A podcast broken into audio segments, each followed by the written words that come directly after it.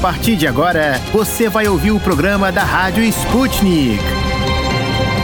Olá, queridos ouvintes. Meu nome é Ana Liv Esteves e eu tô aqui com o meu colega Pablo Rodrigues para comandar mais um programa da Rádio Sputnik diretamente de Moscou. Saudações, queridos ouvintes. É um prazer começar mais uma semana com vocês, abrindo essa segunda-feira, 17 de janeiro, com chave de ouro. Começamos com as notícias do Brasil, onde a gente tem novidades em relação à corrida eleitoral desse ano. Em entrevista ao jornal Correio Brasiliense, o presidente do Partido Social Democrático, o Gilberto Kassab, disse que não há espaço para Geraldo Alckmin ser vice da chapa de Lula dentro do seu partido. A possibilidade de uma chapa Alckmin-Lula é levada cada vez mais a sério pelo partido do ex-presidente, mas ainda não está claro qual seria o partido que receberia o Alckmin para que ele pudesse sair como candidato a vice. E ontem Kassab jogou esse balde de água fria dizendo que Alckmin, aspas, é muito qualificado, mas não vejo a menor chance dele ser vice do Lula pelo PSD. O ex-prefeito de São Paulo disse que o seu partido vai insistir na candidatura do presidente do Senado, Rodrigo Pacheco, à presidência da República.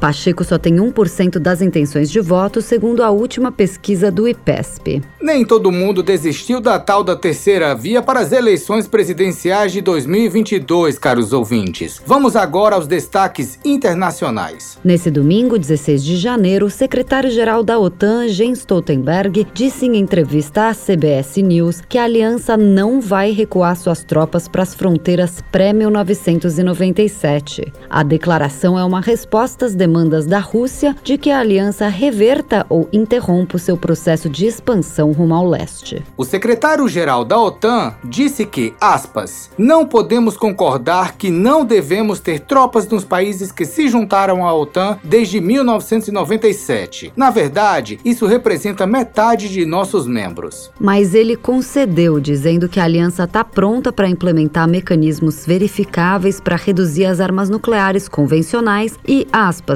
esse tipo de coisa. Segundo ele, isso seria bom tanto para a aliança quanto para a Rússia. As conversas entre Rússia, OTAN e Estados Unidos da semana passada continuam repercutindo, caros ouvintes. E enquanto isso, a Coreia do Norte segue tentando roubar os holofotes. Exatamente, Pablo. Nessa segunda-feira, 17 de dezembro, a Coreia do Norte teria realizado o lançamento de teste de dois mísseis balísticos de curto alcance na direção leste, a partir do aeroporto Sunan em Pyongyang Pyongyang, segundo relatos do Estado-Maior Conjunto da Coreia do Sul. Após os lançamentos, representantes da Coreia do Sul, Japão e Estados Unidos realizaram conversa telefônica para coordenar as suas posições em relação aos lançamentos, conforme reportou o Ministério das Relações Exteriores do Japão. Em comunicados, diplomatas manifestaram grave preocupação com os lançamentos, assim como com os programas nucleares e de mísseis de Pyongyang. Eles se comprometeram com a desnuclearização nuclearização da Coreia do Norte, de acordo com as provisões do Conselho de Segurança da ONU. Vamos acompanhar a repercussão internacional desses lançamentos, queridos ouvintes. Mas agora vamos lá dar uma olhada no que mais nós preparamos para vocês no nosso programa de hoje. E no programa de hoje.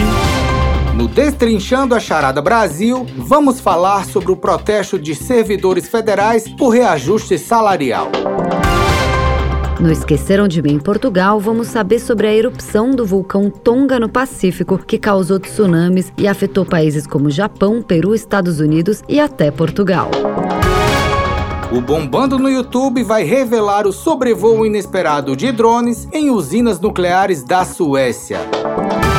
No Destrinchando a Charada Internacional, vamos saber os motivos, as consequências e como evitar os efeitos da onda de calor que atinge a América do Sul. O Hora do Problema vai ficar por dentro dos perrengues que uma maceioense passou ao volante pelas estradas da Rússia.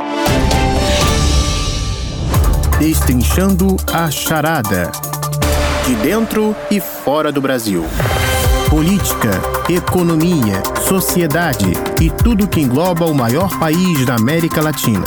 As charadas mais complicadas do Brasil são destrinchadas aqui Olá, ouvintes! No Destrinchando a Charada Brasil de hoje, vamos falar sobre a manifestação de servidores federais em Brasília que exigem a reposição salarial. Isso mesmo, Pablo. O protesto em frente ao Banco Central e ao Ministério da Economia teve como bandeira a exigência de reajuste salarial para as categorias que têm aumento previsto no orçamento público da União para esse ano. De acordo com os servidores, as perdas acumuladas da maior parte do funcionalismo público federal desde 2017 já somam 27,2%, considerando o IPCA, que é o índice oficial de inflação. O pedido é antigo, mas os ânimos ficaram mais exaltados depois que o presidente Jair Bolsonaro indicou que deseja aumentar apenas os vencimentos de integrantes da Polícia Federal e da Polícia Rodoviária Federal. A pedido do presidente, o Congresso aprovou uma reserva de quase 2 bilhões de reais para reajustes salariais em 2022, mas o valor não é suficiente para contemplar todos os servidores. Com a atitude, antes mesmo da manifestação dessa segunda-feira, os funcionários públicos já fizeram uma espécie de protesto devido à insatisfação com o presidente. Nas últimas semanas, mais de 1.200 servidores da Receita Federal que não seriam beneficiados com reajuste decidiram abrir mão dos cargos de chefia. E tem mais: os auditores fiscais federais agropecuários estão desde dezembro realizando operação padrão nas atividades, ou seja, eles estão trabalhando de uma maneira mais lenta com o objetivo objetivo de divulgar sua causa. É a famosa Operação Tartaruga. Com isto, centenas de caminhões aguardam a liberação de carga na alfândega da Receita Federal em Roraima, na fronteira com a Venezuela. Há também cerca de 800 carretas paradas em Manaus, no Amazonas, e em Boa Vista, em Roraima. A medida já causa impactos no abastecimento de cidades próximas a fronteiras do Brasil com o Paraguai, e o problema pode se estender para outras regiões do país, queridos ouvintes. E a lista de insatisfeitos com o presidente ficou extensa. Analistas de comércio exterior, servidores do Itamaraty, auditores fiscais, federais, agropecuários e pelo menos 19 categorias são a favor da paralisação das atividades caso o aumento salarial não seja concedido. Apesar de toda a discussão, não está decidido. O orçamento de 2022 foi aprovado pelo Congresso, mas depende da sanção do presidente Jair Bolsonaro. O prazo máximo para essa decisão é 20 21 de janeiro. Agora, para trazer detalhes dessa negociação, a gente entrevista o Rudinei Marques, presidente do Fórum Nacional das Carreiras de Estado, grupo que está à frente dos protestos. Olá, Rudinei. Muito obrigado por conversar com a Rádio Sputnik. Para começar, quais são as principais pautas e reivindicações do grupo de servidores? A nossa mobilização começa agora em Brasília e nas capitais e ela vai se estender até que haja efetiva recomposição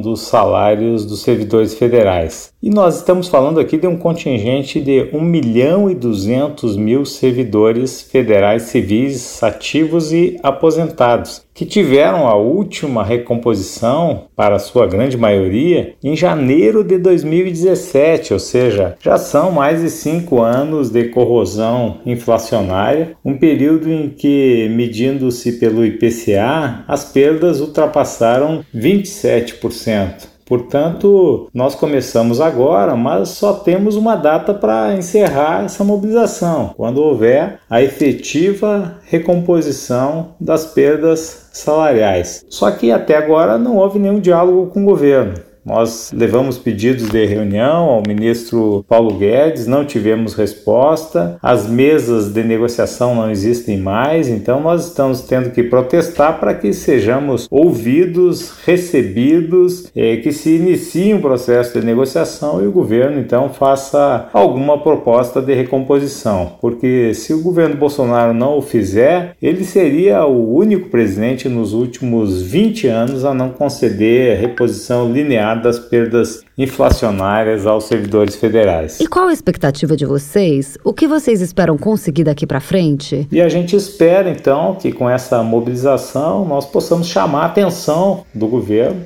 e mais do que isso, sensibilizar o Palácio do Planalto para a necessidade de recomposição salarial dos servidores federais. São mais de 27% de perdas salariais eh, nos últimos anos, perdas que podem chegar a 50% se não houver essa correção agora, só poderá ser feita em 2023 para 2024 e nenhum trabalhador aguenta viver com menos de 50% dos seus salários. Portanto, a hora é agora e por isso nós estamos mobilizados. E há espaço dentro das leis fiscais, sobretudo dentro do teto de gastos, um espaço aberto até por conta do próprio processo inflacionário e o governo teria condições, então, no nosso entendimento, de dar um reajuste linear para minimizar as perdas que aconteceram até aqui. Esperamos então abrir esse canal de diálogo que o governo efetivamente mostre qual é a sua política salarial para os servidores federais. Muito obrigado pelos esclarecimentos, Rudinei. Agora a gente faz mais um convite para entender melhor alguns pontos desta pauta. Vamos falar com o cientista político Guilherme Carvalhido, professor da Universidade Veiga de Almeida. Oi, Carvalhido. Primeiro, muito obrigado por falar com a Rádio Sputnik. Como você analisa esse cenário de manifestações e o impacto para o país com o cruzar de braços dessas categorias? É um prazer falar com vocês.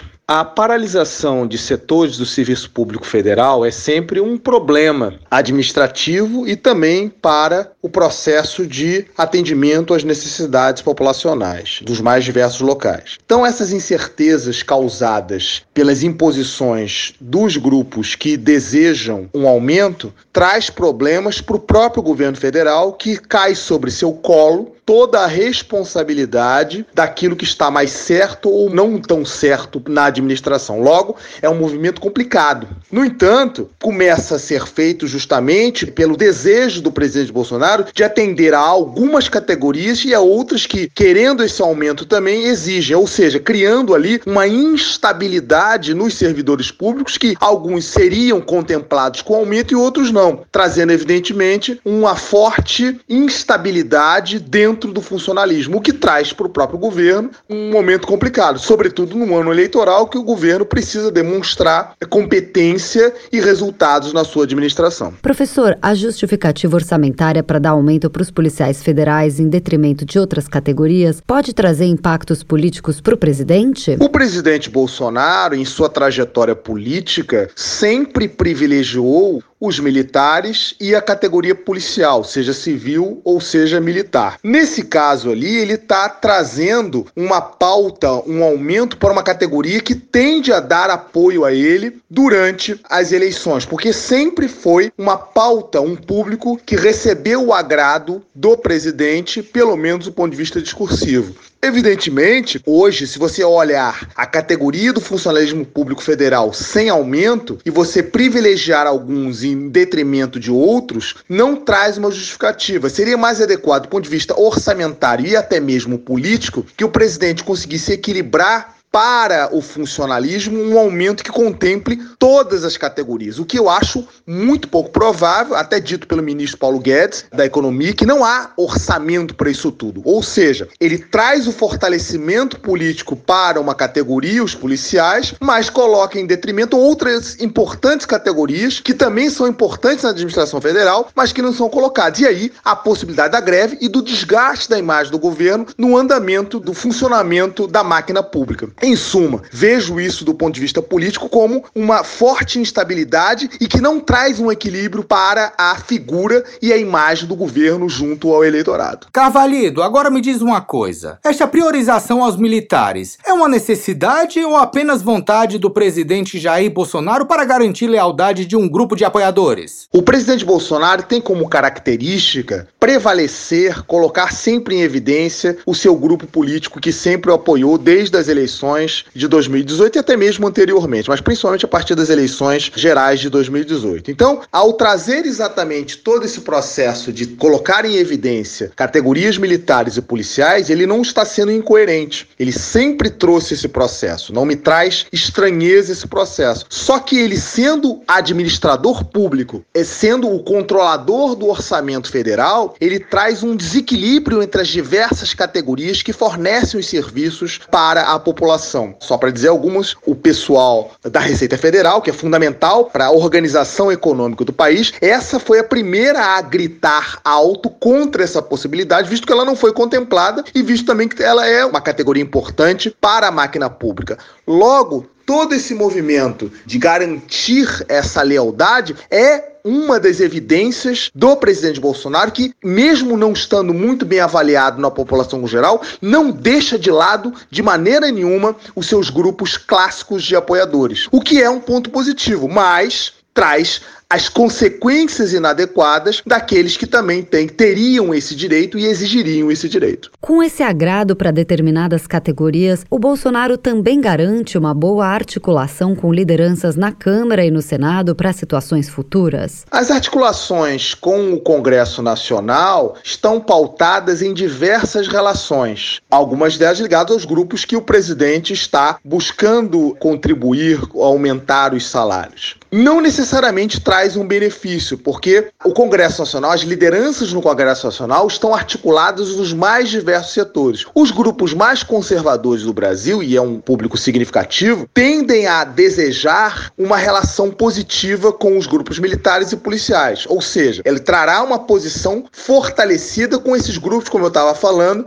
que o apoiaram e continuam apoiando desde então, ou seja, que não largaram a posição positiva do presidente, mas não necessariamente traz uma articulação mais positiva com o Congresso. O Congresso está muito interessado, os líderes do Congresso são muito interessados na popularidade do presidente, o quanto ele tem chances de continuar no governo, porque isso traz votos para os próprios congressistas e seus articuladores. Então ele está mais de olho na eleição como um todo, não com grupos específicos específicos. Esses estão ligados exatamente a esses grupos específicos, os articuladores dos grupos específicos. Mas se você observar a política como um todo, é o resultado eleitoral e a possibilidade do presidente se reeleger. Os presidentes do Senado, as lideranças do Senado, as lideranças da Câmara dos Deputados estão mais de olho nessa relação do que necessariamente na articulação de grupos específicos, que são importantes, mas não são necessariamente aqueles que decidirão a eleição. Um levantamento recente apontou que em todo o país, até agora, pelo menos 16 governadores anunciaram aumentos para os servidores. Essa moeda de troca pode custar caro aos cofres públicos? Em anos eleitorais, é muito normal e comum que os governadores, no âmbito estadual, e a presidência da República, no âmbito federal, concedam aumento aos servidores públicos ou alguns servidores públicos, aqueles que têm mais impacto sobre a visão populacional, aqueles que tendem a ter uma visibilidade maior na prestação de serviço que os governos fazem em relação relação às suas atribuições. Dessa maneira, é normal isso acontecer. No entanto, isso não garante a reeleição ou o sucesso eleitoral daqueles que estão concedendo esses aumentos. Pelo contrário, na verdade, você às vezes tem um governo ruim, muito mal executado, que mesmo você dando essa variável de aumento, não conseguirão ter o sucesso eleitoral. Agora, do ponto de vista da construção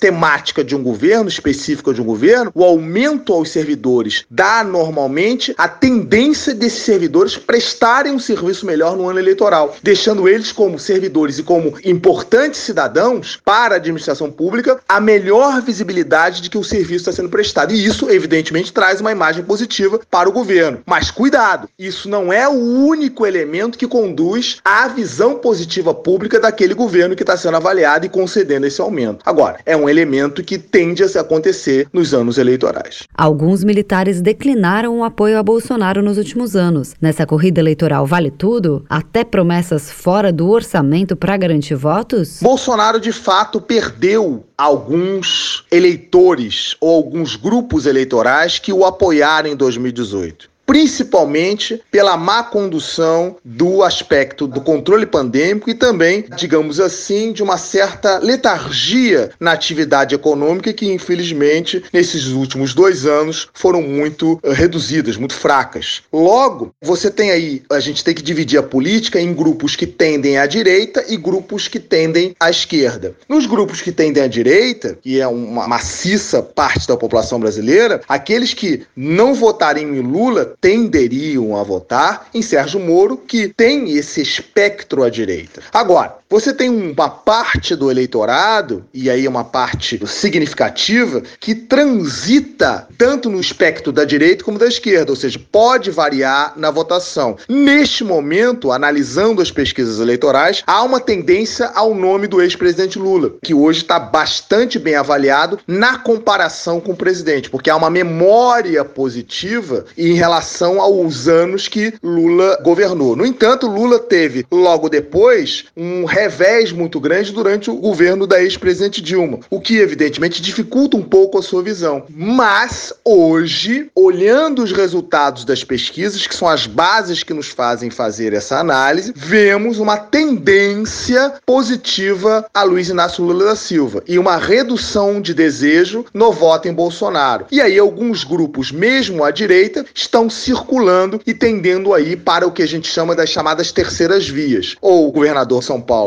João Dória e o, o ex-juiz Sérgio Moro. Esses seriam, tecnicamente, tendências, mas os números das pesquisas não estão mostrando esse caminhar. Há um desgaste de Bolsonaro, mas não há um caminhar desse voto propriamente no nome de Sérgio Moro. Mas ainda temos aí em torno de nove meses para a eleição. Vamos ver como é que o jogo vai ser apresentado e como esse público vai começar a verificar os discursos que estão sendo depositados. Mas basicamente há hoje uma tendência, mesmo dentro do público geral, mais à direita, de você ter um favorecimento ao ex-presidente Lula. A exemplo desta paralisação, o presidente Bolsonaro estaria cada vez mais perdendo apoiadores? No caso do presidente Bolsonaro, houve uma forte decepção de públicos que votaram nele, porque não viram na construção do governo de Bolsonaro uma verificação daquilo que ele prometera ou que se imaginaria que ele construiria. Então, é uma questão mesmo de fato de que ali não houve um processo. No governo Bolsonaro também há, no meu entender, uma administração muito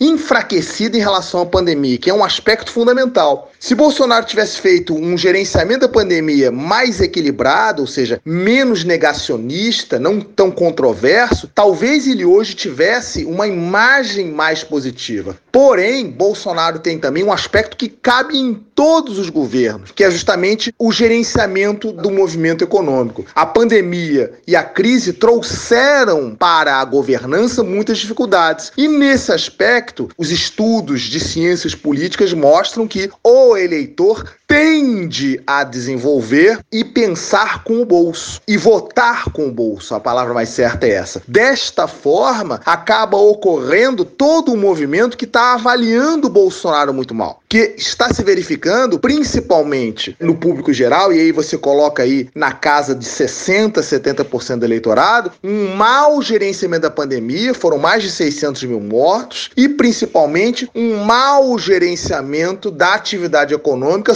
sobretudo na crise. Tivemos um movimento de gerenciamento negativo da economia, sobretudo no ano de 2021, onde você teve um fraco crescimento econômico e uma inflação alta, que é um cenário muito ruim para o brasileiro médio, que sentiu dificuldades no seu movimento, na sua forma de viver. E o brasileiro acaba colocando essas dificuldades na conta dos governos, sobretudo no governo federal, que é aquele que é o que melhor gerencia, o que tem a responsabilidade de gerenciar toda a atividade econômica e o gerenciamento de vários processos. Logo, a questão do arrependimento ou da não promessa não passa, passa de como nós absorvemos, né, nós eleitores, absorvemos de como os governos estão gerenciando as dificuldades e as necessidades básicas dos brasileiros. E quando há crise econômica, esse governo que passa por essa crise, isso aconteceu com a presidente Dilma em 2015 e 2016, ele, esse governante, ele é responsabilizado por esse processo. A corrida eleitoral já está a todo vapor e todos os movimentos dos governantes podem impactar nas eleições de outubro. Exatamente, Ana. Carvalhido, muito obrigado pela participação aqui na Rádio Sputnik. Conversamos com o cientista político Guilherme Carvalhido, professor da Universidade Veiga de Almeida. O Destrinchando a Charada Brasil de hoje fica por aqui. Até a próxima.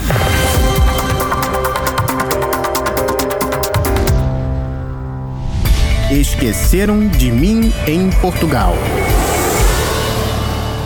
Senhoras e senhores passageiros, apertem os cintos de segurança porque estamos prestes a decolar rumo a Portugal. A tripulação Sputnik Brasil deseja a todos uma ótima viagem. Uma nova semana e novas informações com a nossa correspondente Luísa Ramos. E esse vulcão que se chama Runga Tonga Runga Rapai pode ter alcançado consequências até na Europa? Vamos saber com ela. Olá, Luísa. Olá, Pablo, Ana e ouvintes da Sputnik. É isso mesmo. O vulcão tem o nome completo de Unga Tonga Unga Apai, mas vem sendo chamado pela grande mídia apenas de Tonga, por ser localizado no país em insular de mesmo nome no Oceano Pacífico. Ele entrou em erupção causando grandes estragos no sábado, dia 15 de janeiro, e um grande susto também em sua população de pouco mais de 100 mil habitantes. Um tsunami de mais de um metro atingiu o país e imagens nas redes sociais mostram bairros sendo atingidos. Tonga fica a 2.380 quilômetros a nordeste da Nova Zelândia mais especificamente no Pacífico Sul. Trata-se de um vulcão subterrâneo que, por isso, autoridades locais e os serviços geológicos de Tonga emitiram um aviso de tsunami. O mesmo vem acontecendo com vários países ao redor, além de Samoa Americana, um território não incorporado aos Estados Unidos que também está sob ameaça de tsunami. Segundo a BBC, a erupção foi tão violenta que chegou a ser ouvida em Fiji, a mais de 800 quilômetros de distância. Até na Nova Zelândia foi soado alerta sobre tempestades por consequência da erupção, que já atingiram a costa do Japão com uma tsunami logo depois da comunicação do aviso. E caros ouvintes, acreditem ou não, apesar de super longe, até a Europa teve consequências. O tsunami desencadeado pela erupção do Tonga alterou o nível do mar nas ilhas portuguesas dos Açores, na Madeira, e atingiu até mesmo a zona continental litorânea de Peniche, segundo divulgou neste domingo, dia 16, o Instituto Português do Mar e da Atmosfera, o IPMA. Segundo o comunicado, aspas, o sinal de maior amplitude, cerca de 40 centímetros, foi registrado em Ponta Delgada, Açores, tendo o fenômeno sido observado também na ilha da Madeira, 20 centímetros medidos no Funchal, e no continente. Na zona de Peniche, prezados ouvintes, foram medidos 39 centímetros de alteração no mar. Ou seja, a erupção do vulcão Tonga foi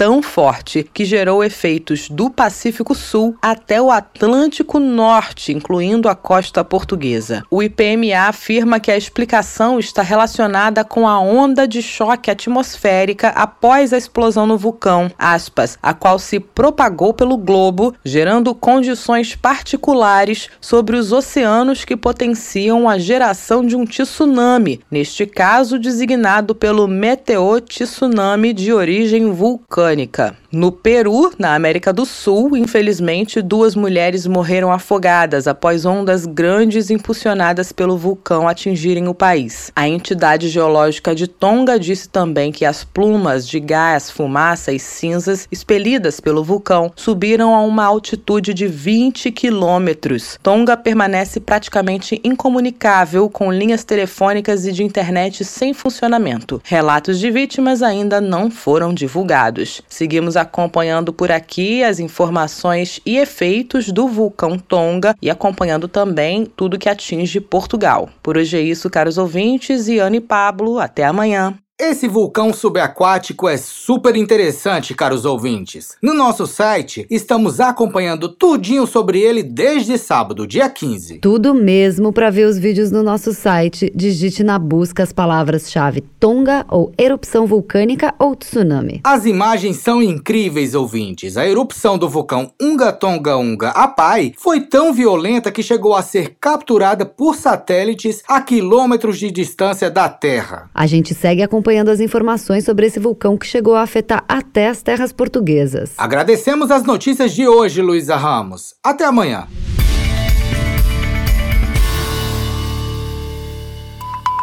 Para ficar por dentro de todas as novidades, tanto mundiais como brasileiras, se inscreva no nosso canal do Telegram. É muito simples. É só você escrever Sputnik Brasil na busca do Telegram e se inscrever para receber as notificações bombando no YouTube. curtidas e mais curtidas da Rússia ao Brasil. Confira com a Rádio Sputnik os vídeos que receberam mais likes e visualizações e estão no topo do YouTube. E fique por dentro do que está sendo filmado por amadores ou profissionais pelo mundo afora.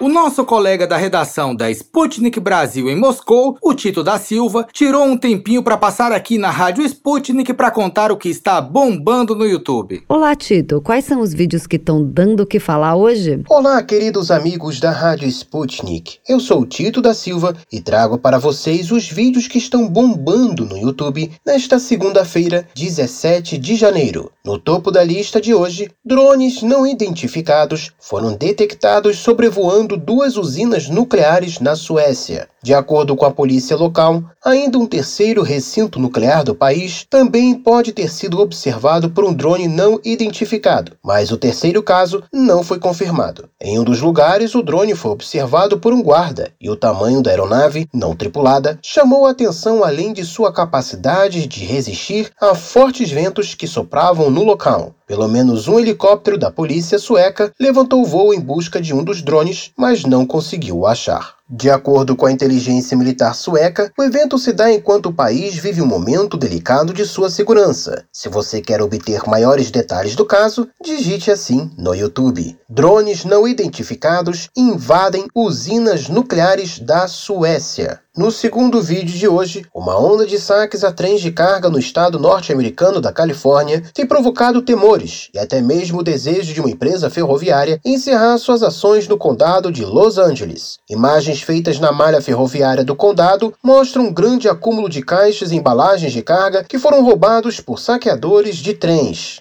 Entre as embalagens estão também encomendas de grandes empresas de entrega, como a FedEx e a UPS. O aumento considerável dos ataques a contêineres a bordo de trens aumentou em 160% nos últimos 12 meses, de acordo com a ferroviária Union Pacific, uma das maiores dos Estados Unidos. Para assistir ao vídeo, é só você digitar Califórnia tem onda de saques a trens de carga. Ferroviária quer evitar área. E no terceiro vídeo de hoje, a capital emiratense de Abu Dhabi foi alvo de um ataque do movimento iemenita Houthi. Caminhões-tanque foram alvo do ataque e acabaram explodindo, assim como pelo menos uma explosão também foi registrada no aeroporto da cidade. Ainda segundo a polícia local, na cena do ataque foram encontrados destroços de drones e o movimento iemenita assumiu ter sido o autor da ação. Além disso, reportes midiáticos da região apontam que a coalizão liderada pela Arábia Saudita no Iêmen registrou o lançamento de drones do aeroporto de Sanaa no Iêmen. Para ver as imagens da cena do ataque, é só digitar Emirados Árabes são bombardeados com drones dos Houthis. E no quarto vídeo de hoje, as tensões entre Rússia e a OTAN não param de crescer, enquanto a Rússia busca garantias por escrito, ou seja, judiciais, para a sua segurança na região euroasiática e a não expansão da Aliança Atlântica, a OTAN diz que não retornará às fronteiras na Europa de 1997. Já a Rússia afirma que o apoio da Aliança à Ucrânia mostra que suas relações com a OTAN estão próximo da linha vermelha. Mais detalhes das tensões na região euroasiática você pode obter assistindo ao vídeo. Para o achar no YouTube, digite assim no campo de busca. Moscou, relações OTAN-Rússia estão perto da linha vermelha por aliança apoiar a Ucrânia. E no quinto vídeo de hoje, o canal Área Secreta fez um vídeo provando a comida dada aos soldados da República Popular da China. Depois de enfrentar dificuldades dificuldades para encontrar o produto, o canal abriu a embalagem com a ração militar da China. Será que o negócio é bom? Dá um pulo lá no Área Secreta e dá uma olhada. E por hoje é tudo, pessoal. Até mais. Um dos vídeos da lista do Tito corresponde ao sobrevoo de drones não identificados em duas usinas nucleares na Suécia. De acordo com a polícia sueca, a primeira observação de um objeto voador aconteceu na sexta-feira, dia 14 de janeiro, e várias usinas nucleares já acabaram recebendo a visita inesperada de drones. A polícia sueca decidiu tratar os sobrevoos como um incidente nacional especial, o que implica um certo nível de interconexão. Até agora não há suspeitos em nenhum dos casos. Os policiais suecos estão apurando o acesso não autorizado às infraestruturas protegidas, bem como as violações da lei da aviação civil. Além disso, as Forças Armadas suecas foram informadas sobre as ações policiais. Tito, muito obrigada pelo top 5 do YouTube de hoje e até amanhã.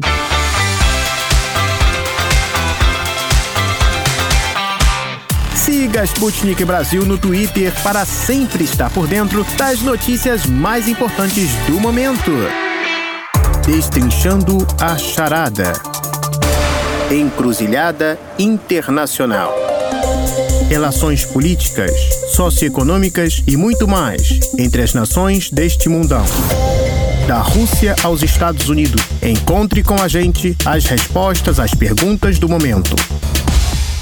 Caros ouvintes, vamos comentar na nossa pauta internacional de hoje um assunto que também afeta o Brasil: a onda de calor que atinge a região central da América do Sul neste verão. Estão previstas temperaturas recordes próximas dos 50 graus Celsius para cidades da Argentina, Uruguai e Paraguai. Mas o Brasil também já sente os efeitos. Neste domingo, segundo o Instituto Nacional de Meteorologia, o IMET, Porto Alegre, na região sul, registrou as maiores temperaturas temperaturas de todas as capitais do país e a mais alta desde o início da estação, 40,3 graus Celsius, caros ouvintes. As consequências das altas temperaturas vão desde impactos na saúde humana, passando por falhas nos sistemas de transmissão de energia dos países, até prejuízos na agricultura, fauna e flora. Exato. Por exemplo, na semana passada, no dia 11 de janeiro, cerca de 700 mil pessoas ficaram sem luz após um apagão na região metropolitana de Buenos Aires, na Argentina. Segundo o jornal Clarín, o alto consumo de energia pressionou o sistema de distribuição elétrica. Para entendermos melhor os motivos e as consequências e como desviar dos efeitos desse calorão, vamos conversar com dois especialistas hoje. Isso mesmo, Ana, são eles: o meteorologista Bruno César Capuchin, da Ampere Consultoria e mestre em recursos hídricos e meio ambiente, e para comentar os efeitos na agricultura Agricultura, o Varvik Manfrinato, engenheiro agrônomo e pesquisador do Instituto de Estudos Avançados da USP. Sejam muito bem-vindos ao programa da Rádio Sputnik. Vamos lá, começando com uma pergunta para o meteorologista Bruno César Caputin. Bruno, você poderia detalhar melhor para a gente quais locais já estão sendo ou ainda podem ser afetados e o que explica esta onda de calor que está causando temperaturas tão altas na América do Sul? No dia 6 de janeiro iniciou um período de forte aquecimento sobre a Argentina que se intensificou durante a última semana, originando uma onda de calor aqui na América do Sul. O fenômeno está sendo responsável por temperaturas elevadas também em outros países como o Uruguai, partes do Paraguai, do sul do Brasil, em especial Rio Grande do Sul. Na Argentina, por exemplo, os termômetros passaram dos 40 graus em várias localidades e na cidade de Buenos Aires houve um recorde histórico na última terça, no dia 11. A gente acabou aí vendo os termômetros atingirem 41,1 graus Celsius, sendo a segunda maior temperatura já registrada nessa cidade. Lembrando que o recorde é de 1957, quando Buenos Aires atingiu 43 6,3 graus. De acordo com a estação meteorológica do Instituto Nacional de Meteorologia, localizada em Uruguaiana, no sudoeste gaúcho, a máxima por lá atingiu 41,1 graus Celsius na última quinta-feira, também condições extremamente quentes. No entanto, outras regiões do continente tiveram temperaturas ainda mais elevadas, né, como regiões do norte da Argentina, localidade de Rivadavia, né, na província de Mendonça, que teve aí seus 45 graus também na quinta-feira. Essas altas temperaturas temperaturas estão sendo sustentadas por um sistema de alta pressão na atmosfera superior bloqueado sobre o interior do continente, áreas ali do norte da Argentina, e esse sistema, além de impedir a formação de nuvens de chuva, também proporciona aí que a radiação solar atinja com força a superfície terrestre, justamente pelo padrão de ausência de nuvens. Além disso, esse sistema também contribui para que o vento permaneça de norte sobre o interior do continente, reforçando aí as condições de aquecimento. Bruno, quais as consequências de temperaturas tão altas para nossa vida? Quanto esse tipo de fenômeno pode perdurar no continente sul-americano? As consequências das altas temperaturas são várias, podendo haver impactos na saúde humana, nos sistemas de transmissão de energia dos países, fauna e flora. Com relação à saúde humana, temos os grupos de riscos, como por exemplo os idosos. Isso porque né, o corpo humano ele pode apresentar aí, consequências de um forte aquecimento manifestado pela insuficiência cardíaca, lesão renal, inclusive, em função da desidratação desidratação, além do estresse. As ondas de calor estão entre os fenômenos naturais mais perigosos e, em alguns casos, estando até mesmo no contexto de óbitos em massa, como a gente já viu em momentos recentes de um passado sobre regiões da América do Norte, Canadá, oeste dos Estados Unidos, áreas também da Europa que em alguns anos tiveram óbitos em massa em decorrência de ondas de calor. E nessa que atua nesse momento sobre o continente sul-americano em específico, foram reportados, por exemplo, né, alguns impactos aí como cortes de energia na cidade de Buenos Aires, que deixou milhares de casas sem eletricidade. Né? As distribuidoras locais, Edenor e Edesur, relataram que o calor aumentou a demanda por energia para resfriar as casas e empresas e por isso que teve então esses cortes. Há também consequências para a fauna e para a flora, para o meio ambiente em geral, onde a gente não tem muitas vezes os ecossistemas adaptados para temperaturas tão elevadas e pode acontecer mortalidade de árvores, incêndios florestais,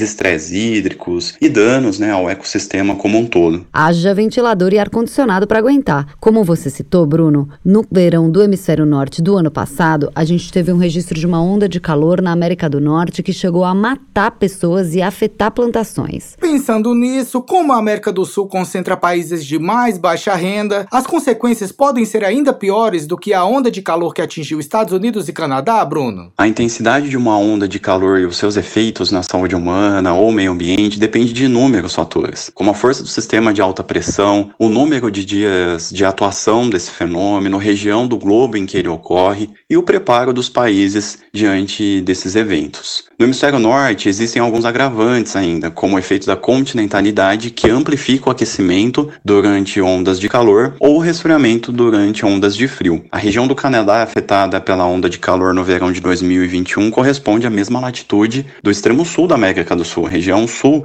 ali da Patagônia. E lá no Canadá a população não está acostumada com temperaturas tão altas nem mesmo para a temporada de verão. Para se ter uma ideia lá, a temperatura média para um mês de julho nessa região do Canadá, afetada pela onda de calor do ano passado, fica em torno de 6 a 17 graus Celsius. Mas em julho do ano passado, durante a onda de calor, tivemos aí os termômetros alcançando 41 graus nas proximidades de Vancouver. Já nas regiões aqui da América do Sul influenciadas pelo aquecimento dos últimos dias, essas áreas já experimentam naturalmente temperaturas mais elevadas na temporada de verão. Então as pessoas de certo modo estão um pouco mais adaptadas, né, para eventos de calor com relação à população canadense, que está numa latitude muito mais alta, muito mais fria. Mas é claro que temperaturas acima dos 40 graus Celsius torna-se um problema para seres humanos em qualquer região do planeta, né? Os fatores mencionados anteriormente, como o efeito da continentalidade no hemisfério norte, que potencializa o calor, a falta de adaptação da população de países mais frios para esses eventos muito quentes, estão entre as causas de óbitos em massa, né, em regiões como Estados Unidos, Canadá, países da Europa e não tanto aqui no, na América do Sul. A gente não observa muitas vezes óbitos em massa durante ondas de calor aqui. Em geral, considera-se uma onda de calor quando a temperatura permanece acima de limiares climatológicos por pelo menos três dias consecutivos sobre uma determinada região do mundo, mas lembrando que o fenômeno também pode ter durações aí de cerca de uma semana.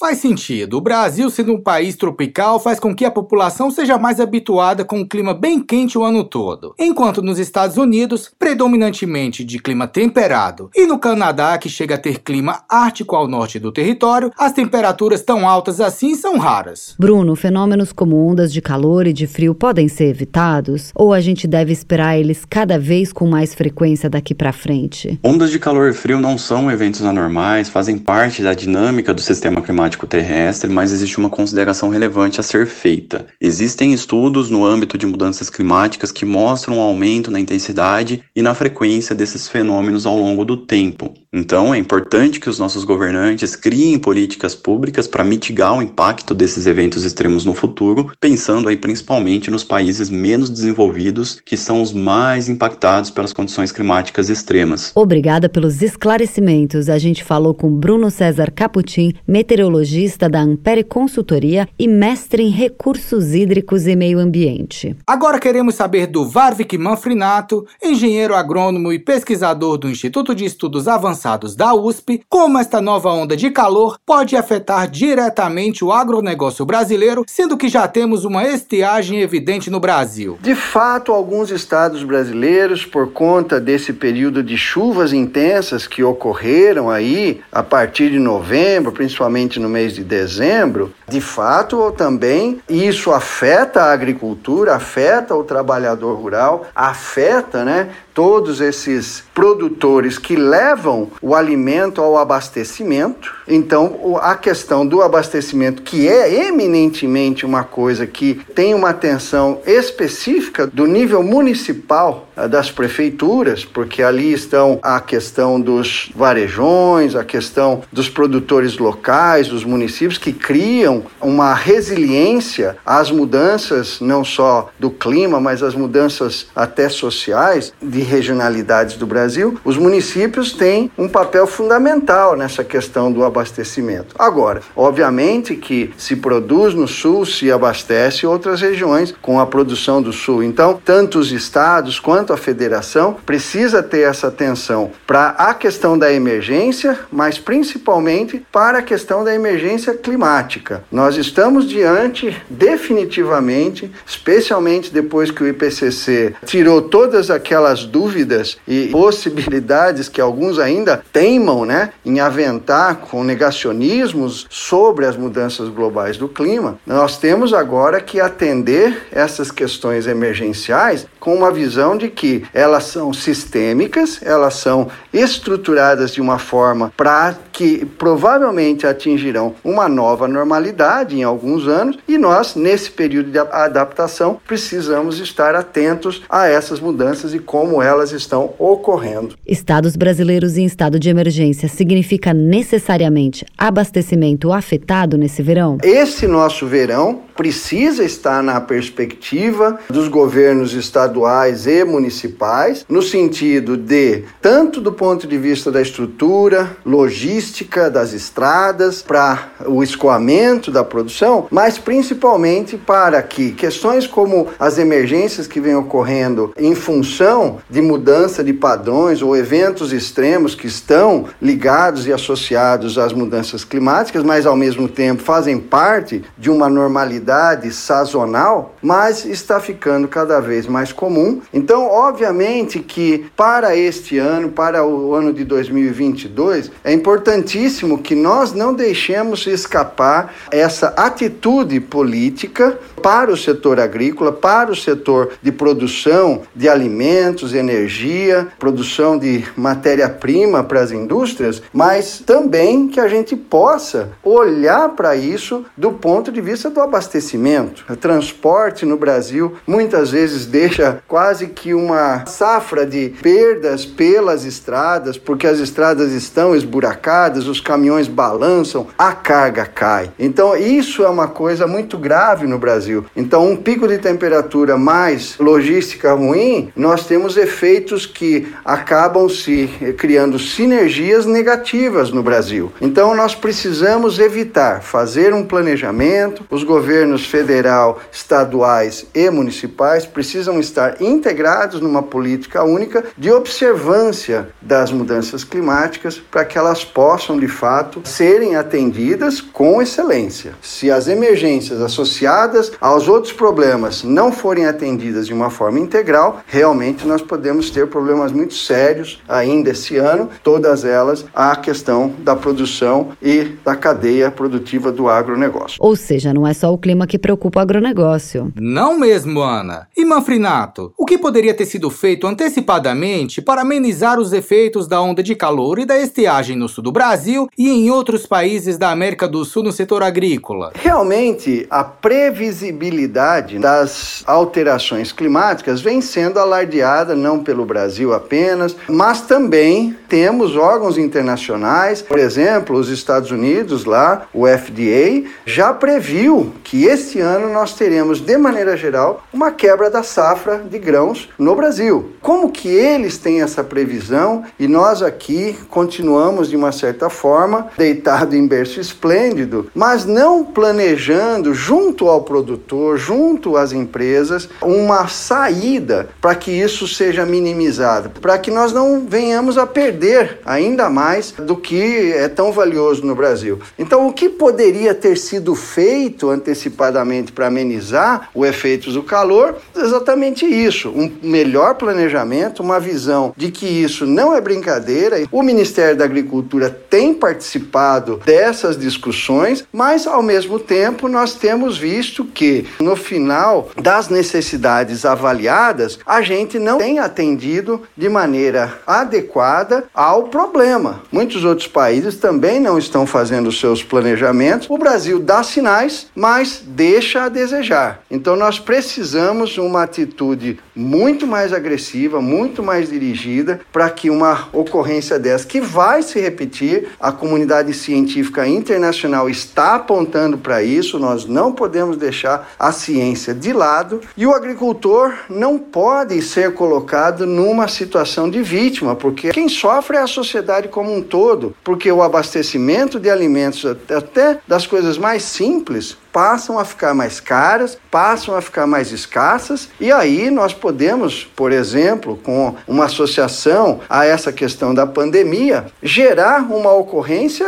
de natureza gravíssima. E isso não é aceitável. Nós precisamos ter salvaguardas para os agricultores, porque mesmo que eles percam num determinado ano, eles precisam ter garantias que no ano seguinte eles conseguem voltar à atividade com apoio. Especialistas Especialistas afirmam que fenômenos climáticos devem ser esperados com mais frequência. Quais alternativas o agronegócio pode criar para passar por esse tipo de situação com menos impacto na produção? Então, as questões dos fenômenos que a gente tem já previsão quase que certa que ocorrerão é o aumento da temperatura, seca associada às questões que vêm com a temperatura elevada, mas também no inverno nós teremos ocorrência de invernos rigorosos, onde a geada pode acontecer, pode ocorrer, também atrapalhando a produção e criando perdas. No ano passado, nós tivemos aí um corre-corre de ver se conseguia criar um microclima na propriedade rural para que a temperatura baixa não matasse a safra, não matasse a planta que está lá né, perene, como é o caso da fruticultura, da cafeicultura. Então, no caso de uma geada. No caso do calor, também,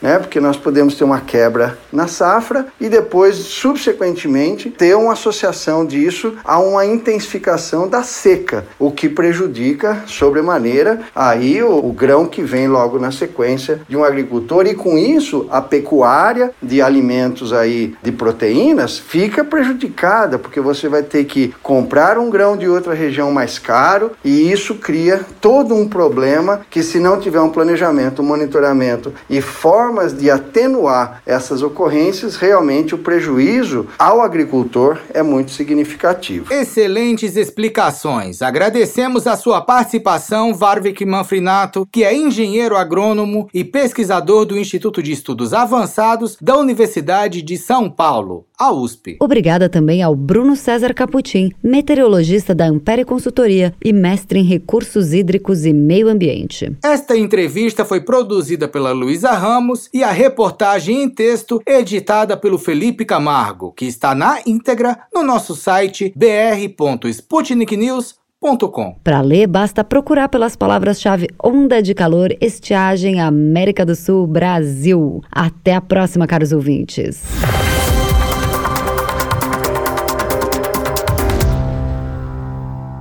Os vídeos mais esperados estão disponíveis no nosso canal no YouTube. Para encontrá-lo é fácil.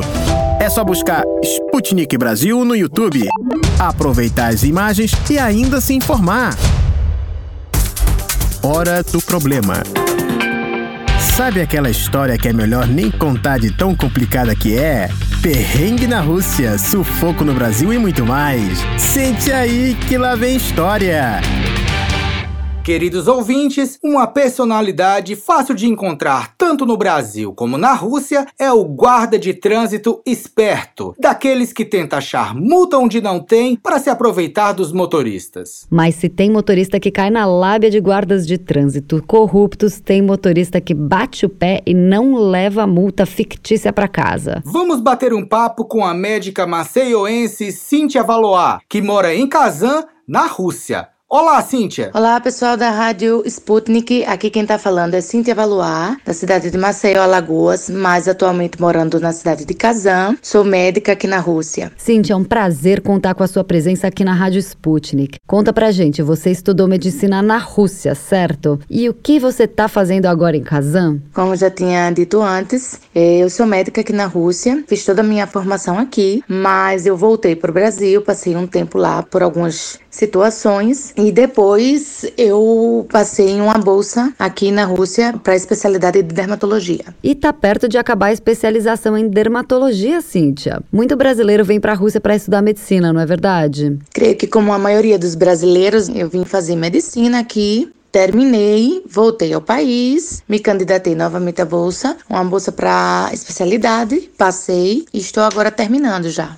Cíntia, e que história é essa de guarda de trânsito aproveitador? Conte aí para os nossos ouvintes o perrengue vivido por você ao volante pelas estradas da Rússia. Oh meu Deus, é tão difícil dizer uma história só, porque, por exemplo, simplesmente com três amigos, em plena véspera de feriado do Dia da Vitória, que no caso é 9 de maio, nós alugamos um carro e iríamos para Moscou ver a parada. Eu, mais um brasileiro, um turco e um sérvio. Só que aí a gente resolveu ir a Peter. Nós fomos a Peter, conseguimos conseguimos ver a repetição, né? Fazendo a parada. Depois achamos pouco, em vez de voltar para Kazan, a gente decidiu vir descendo. Então a gente foi até Moscou. Em Moscou, já era o dia da parada, a gente conseguiu ver um pedacinho e, pessoal, achando pouco, a gente foi bater em Nizhny Novgorod.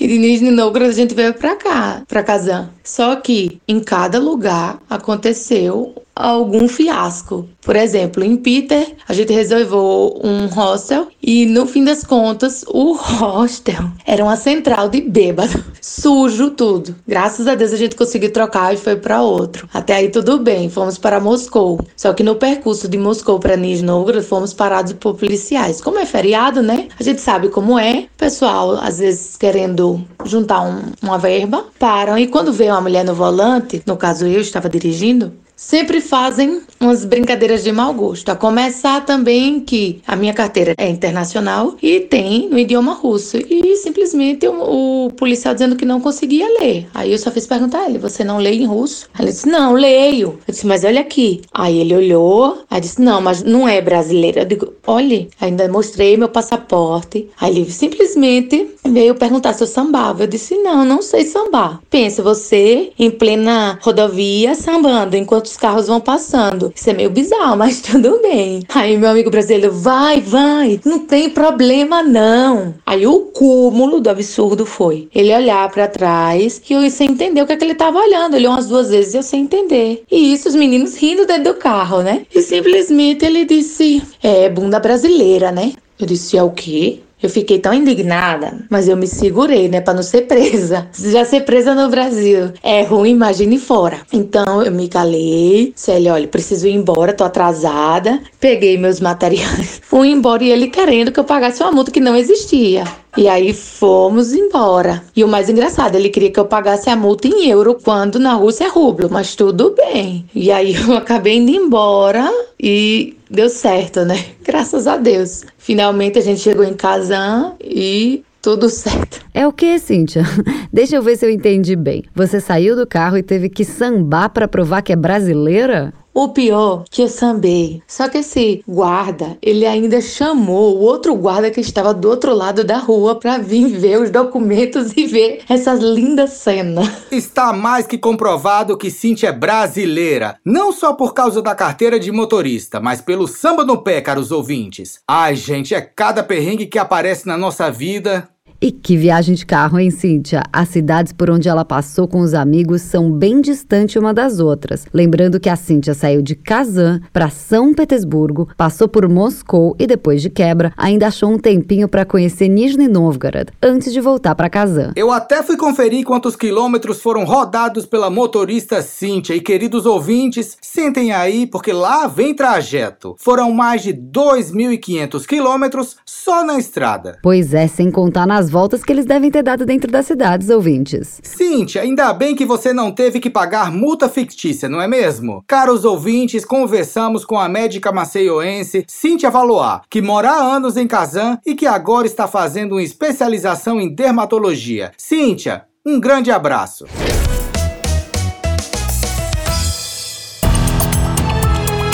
Hora de dar tchau.